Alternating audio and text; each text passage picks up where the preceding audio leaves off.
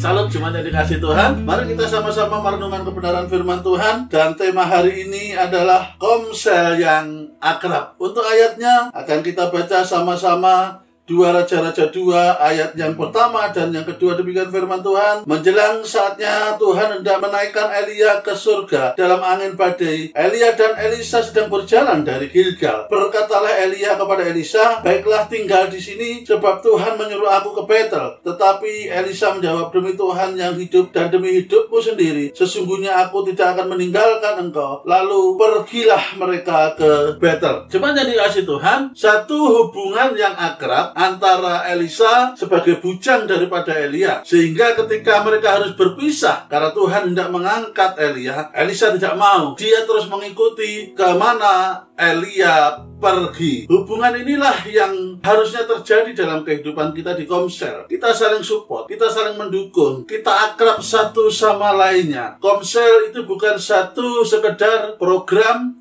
atau kegiatan gereja. Tetapi di dalam komsel itu ada sesuatu yang seharusnya terjadi di antara anggota komsel. Yaitu apa? Hubungan yang manis, hubungan yang baik, hubungan yang intim antara sesama anggota. Sehingga apa? Sehingga bisa saling support, saling mendukung, saling mengimpartasi dalam hal-hal kebaikan. Nah, di dalam hal ini kita lihat ayat yang ke-15 dari dua raja-raja pasal 2 itu yaitu ketika rombongan nabi yang dari Jericho itu melihat dia dari jauh, maksudnya melihat Elisa, mereka berkata, "Roh Elia telah hinggap pada Elisa." Mereka datang menemui dia, lalu sujudlah mereka kepadanya sampai ke tanah. Ada satu yang didapatkan dari Elisa ketika dia dengan setia, dengan sungguh-sungguh mengikuti bergaul akrab dengan Elia adalah dia mendapatkan satu impartasi roh daripada Elia sehingga dia juga menjadi seorang nabi yang dipakai Tuhan pada akhirnya. Nah demikianlah juga di dalam komsel hendaknya kita saling mengimpartasi di dalam hal-hal yang baik, saling mensupport, mendukung di dalam hal-hal yang baik, saling mengingatkan, saling menegur kalau perlu. Supaya apa? Supaya kita bisa bertumbuh bersama. Sama-sama kita bertumbuh,